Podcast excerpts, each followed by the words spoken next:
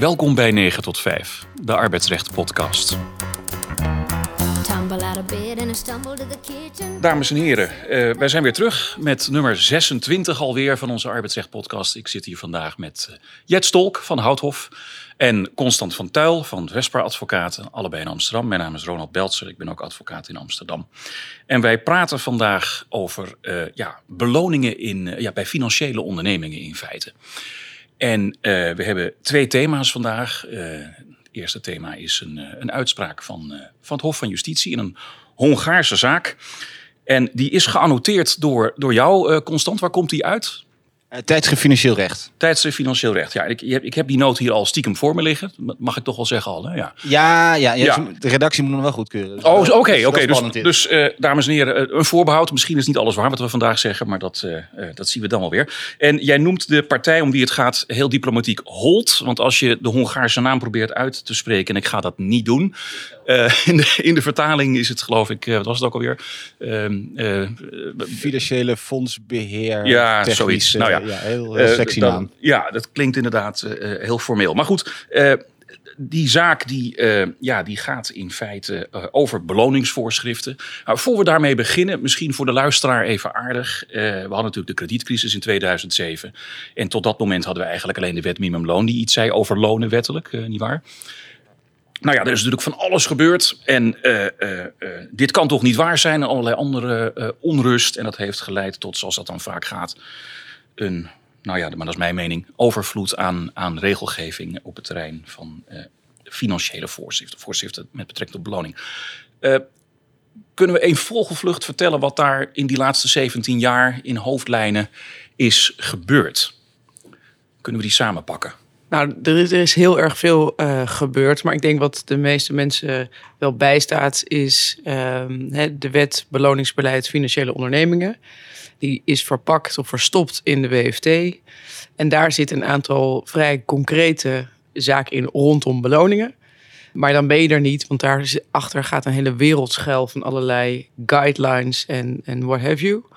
Maar waar die wet, uh, waar de meeste mensen van kennen, is de bonus cap. En dat betekent in Nederland dat in principe, met een aantal uitzonderingen daar gelaten, eh, de variabele beloning niet meer mag zijn dan 20% ten opzichte van het vaste salaris.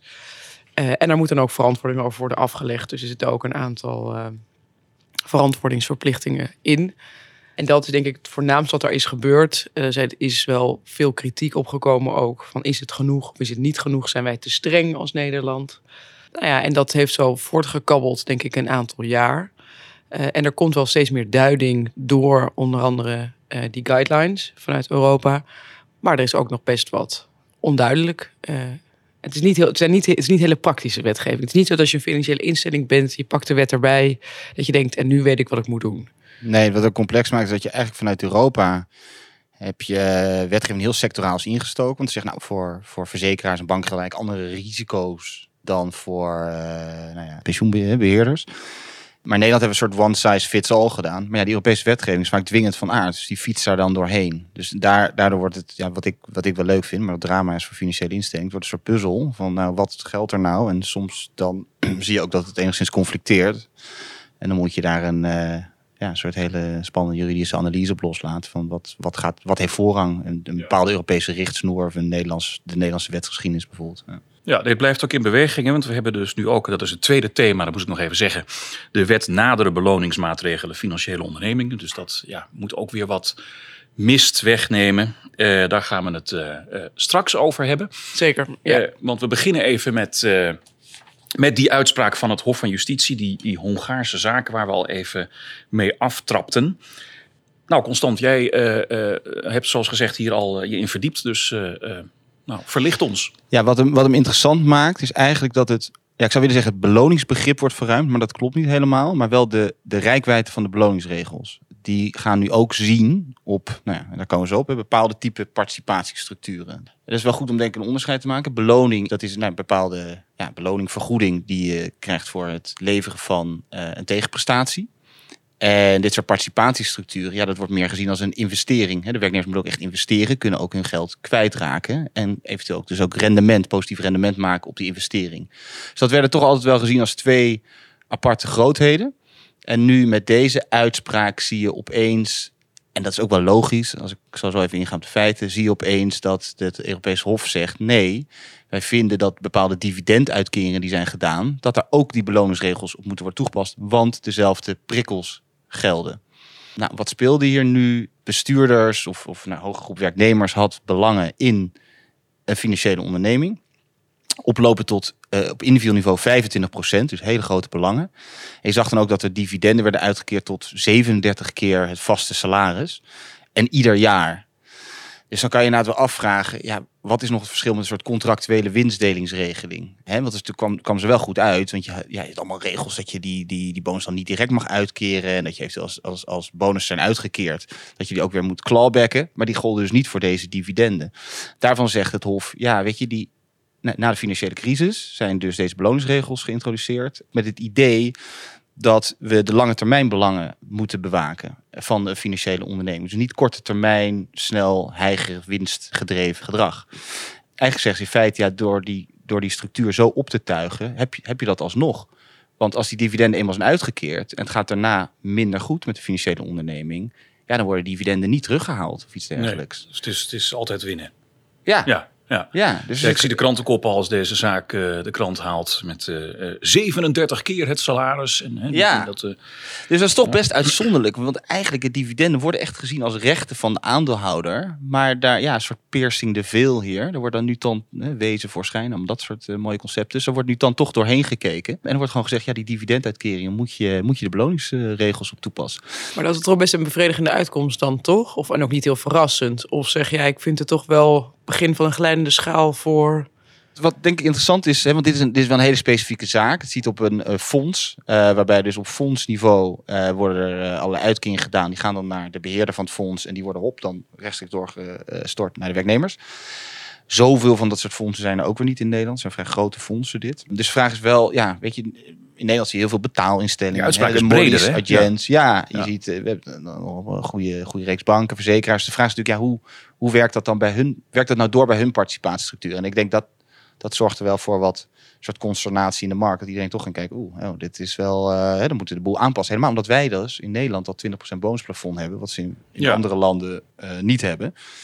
Dus dat zou natuurlijk best een, dat zou natuurlijk best impact hebben. Als je, dan moet je eigenlijk je hele participatiestructuur oprollen. Sterker nog, als het dus beloning, hè, variabele beloning zou zijn, dus dividenden zouden kwalificeren als variabele beloning, zou je niet alleen je hele participatiestructuur moeten aanpassen, maar zou je ook ja, dividenden moeten terughalen van voorgaande jaren. Dus in ieder geval tot vier, ja. vijf jaar. Omdat uh, een overtreding van dat bonusplafond is, is, daar kleeft nietigheid aan. Ja, dat is gewoon afgelopen. Ja, dus Over, het Hof heeft wel, als ik het nog even zo lees, wel een vrij genuanceerde benadering. Hè? Het is niet zo van uh, het valt eronder, maar je moet van alles wegen, als ik het goed heb.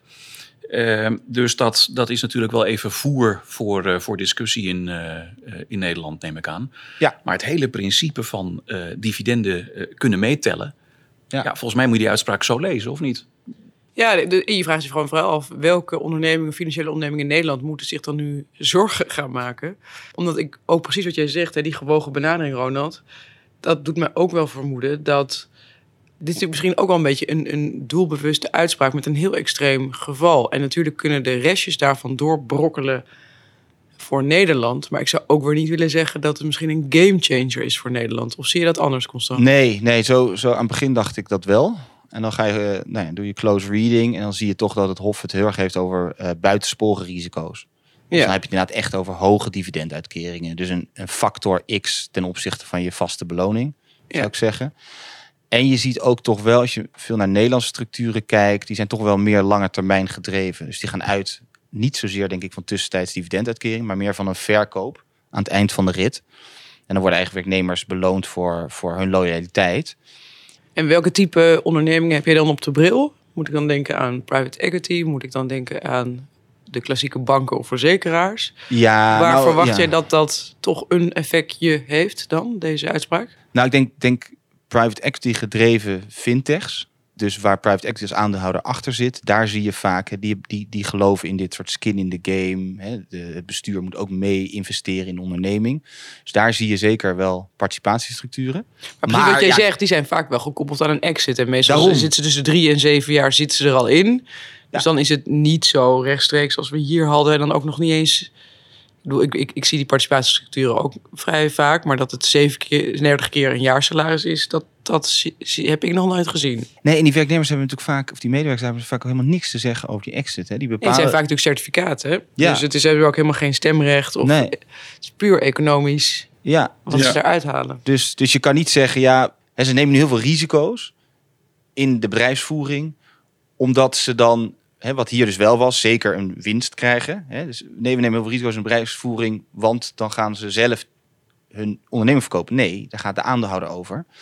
Dus eh, die koppeling ook is, is, is er niet, denk ik, bij dit soort eh, private equity structuren. Dus eh, ik, ik zie daar niet direct, ik zie daar ook niet direct risico's voor. Dus, Dus, dus, uiteindelijk... dus we hebben ook weer een geruststelling te brengen. Ze hoeven niet bang te zijn. Misschien, of zeg je van nou, ga toch maar eens die participatiedocumentatie tegen het licht houden. En kijk eens even of je nog moet mitigeren qua risico's om te voorkomen dat je in deze ik, denk, stapt. Ik, ik denk als je een soort winst deed. Ik heb ook nog eens een keer een, een constructie gezien met statutaire winstbewijzen. Dus dat is wel een beetje ouderwets. Maar je ziet ze nog wel eens af en toe. Win, hè, als, als je iets van een soort winstdelingsregeling hebt. Maar dan in de vorm van een participatie. Dan, dan moet je denk ik wel even achter de oren gaan krabben. En dan moet je hier toch even goed naar gaan kijken.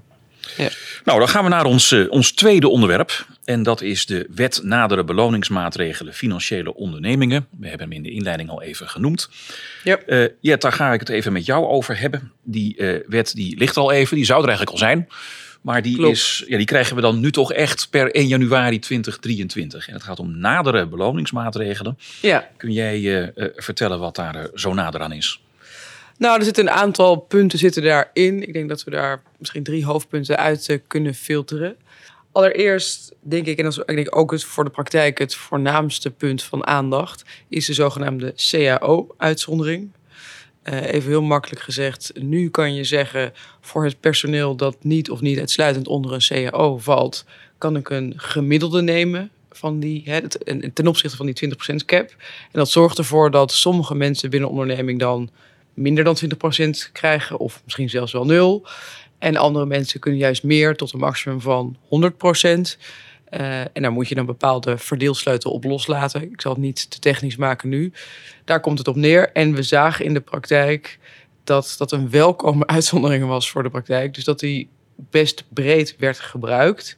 Ook omdat in de wettekst nu staan er eigenlijk geen nadere voorwaarden om die CO-uitzondering te kunnen inroepen.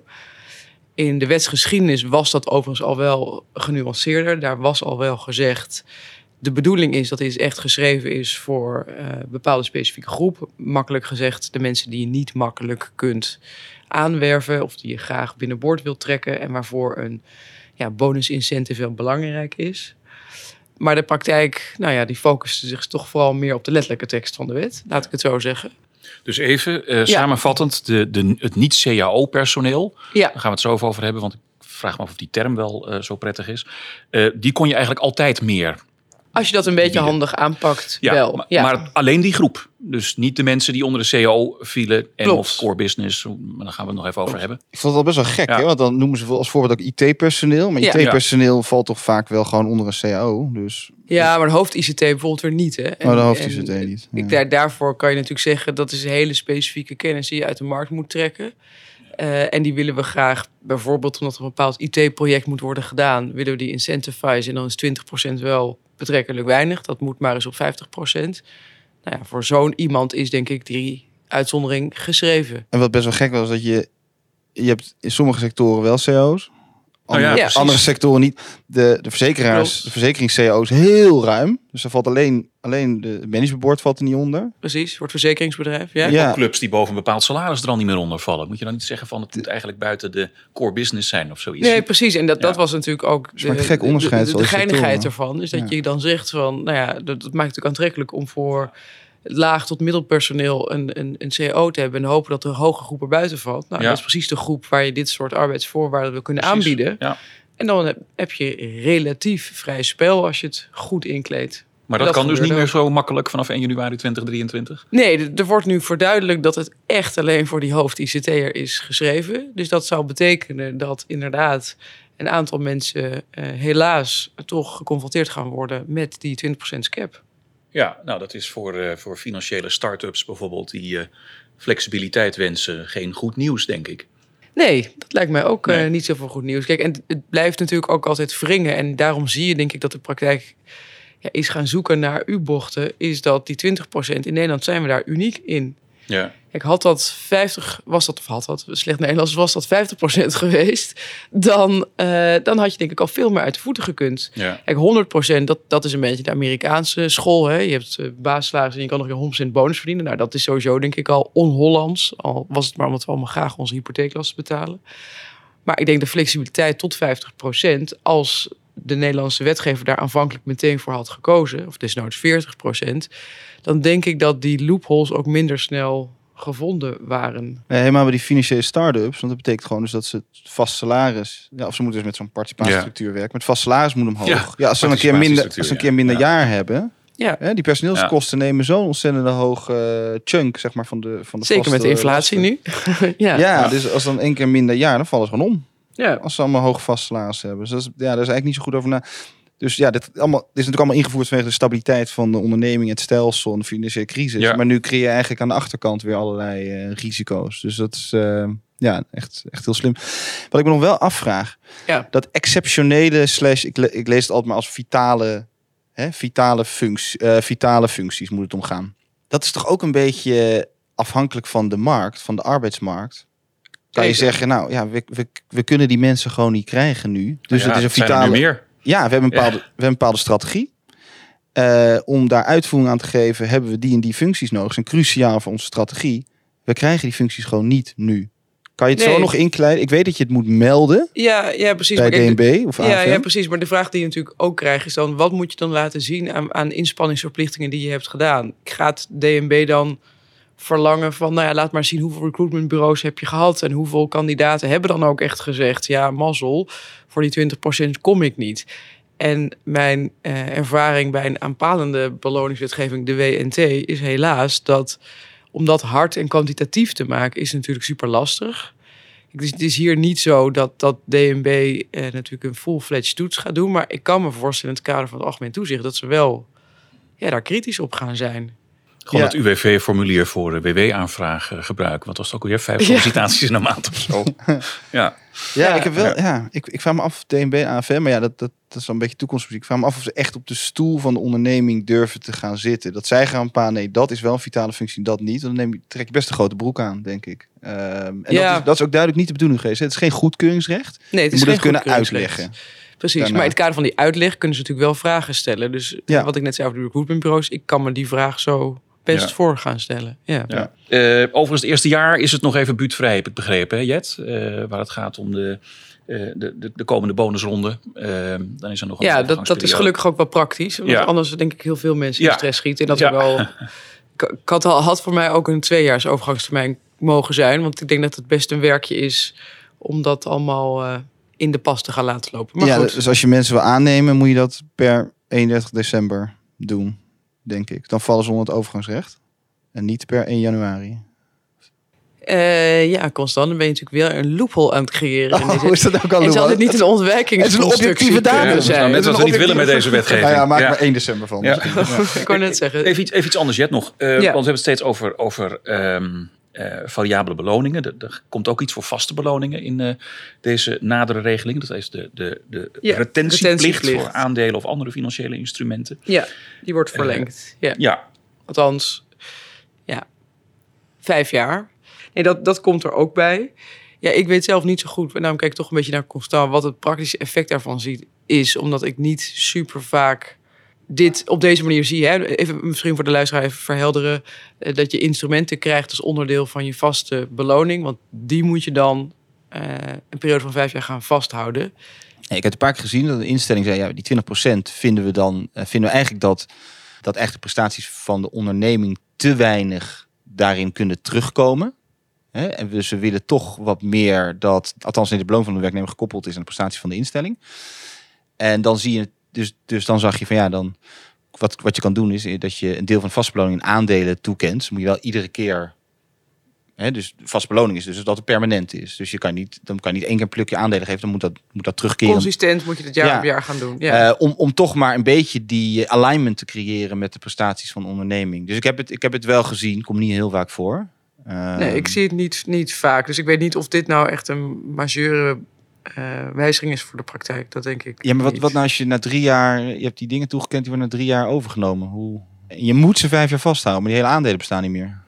Nou ja, ik denk dat dat een, een uitzondering zou moeten zijn. Ja. Dat er, want dat, ja, Niks dat, over. is, dat is niet dat gedrag dat je wenst te voorkomen. Hè? Nee. Dat, eh, Nee, maar als we dan toch een beetje, macht. precies, als we dan toch een beetje gaan zeuren over de WBFO, dat is natuurlijk bij veel meer onderwerpen, is dat het heel veel dingen niet verheldert. Dat, dat maakt Ja. dus wel weer een lawyer's paradise, maar voor de praktijk is er natuurlijk wel weinig mee geholpen. Dit soort overgangssituaties zitten er gewoon niet in. Nou, en dan, en dan ter afsluiting, eh Jet en Constant. Ja, eh, de vraag, waar heb je dit allemaal voor nodig? Dit was eh, zomer 2007, daarna is er heel veel gebeurd. We leven in 2022 met een arbeidsmarkt waar je bijna niemand meer kunt vinden, zo lijkt het. En dan komt er een nieuwe wet aan per januari 2023, waar ook nog in staat dat bepaalde financiële ondernemingen weer verantwoording moeten gaan afleggen. Dat weer, dat komt van mij. Ehm, over de beloningen van bestuurders, commissarissen en medewerkers van de onderneming tot haar, in verhouding tot haar maatschappelijke functie. Eh, nou ja, veel vager kan ik het niet brengen, maar zo staat het er echt. Eh, er is al veel kritiek op de toezichthouders dat ze ehm, eh, nou ja, zich overal en nergens mee bemoeien.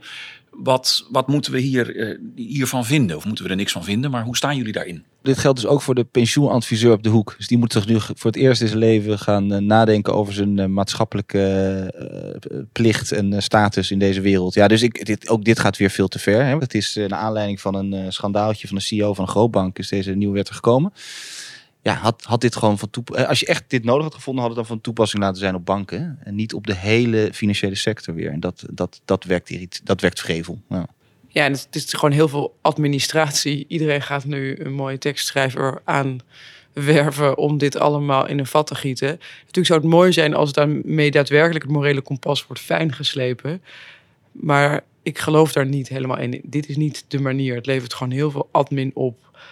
Uh, en extra... Werk voor jou, Jet. Ja, ik zit hier eigenlijk mijn eigen broodwinning. Ja, dat moeten we dan maar niet doen. Uh. Dat is niet verstandig. Maar ik, ja, ik, ja. Ik, ik, ik, voel mee met mijn cliënten die denken... dit kan er ook nog wel weer bij. Ja. ja. Nou, dan sluiten we uh, podcast nummer 26 af. Uh, ik dank Jet en ik dank Constant voor een nuttige bijdrage. En wij zijn zoals gebruikelijk weer na te luisteren via de website www.9tot5podcast.nl. Daar kunt u de vorige 25 afleveringen ook nog beluisteren als u eens niets te doen hebt. Uh, en verder kunt u uh, onze podcast ook beluisteren via Spotify. Ik dank u voor uw aandacht. Mijn naam is Ronald Beltzer. Tot de volgende keer.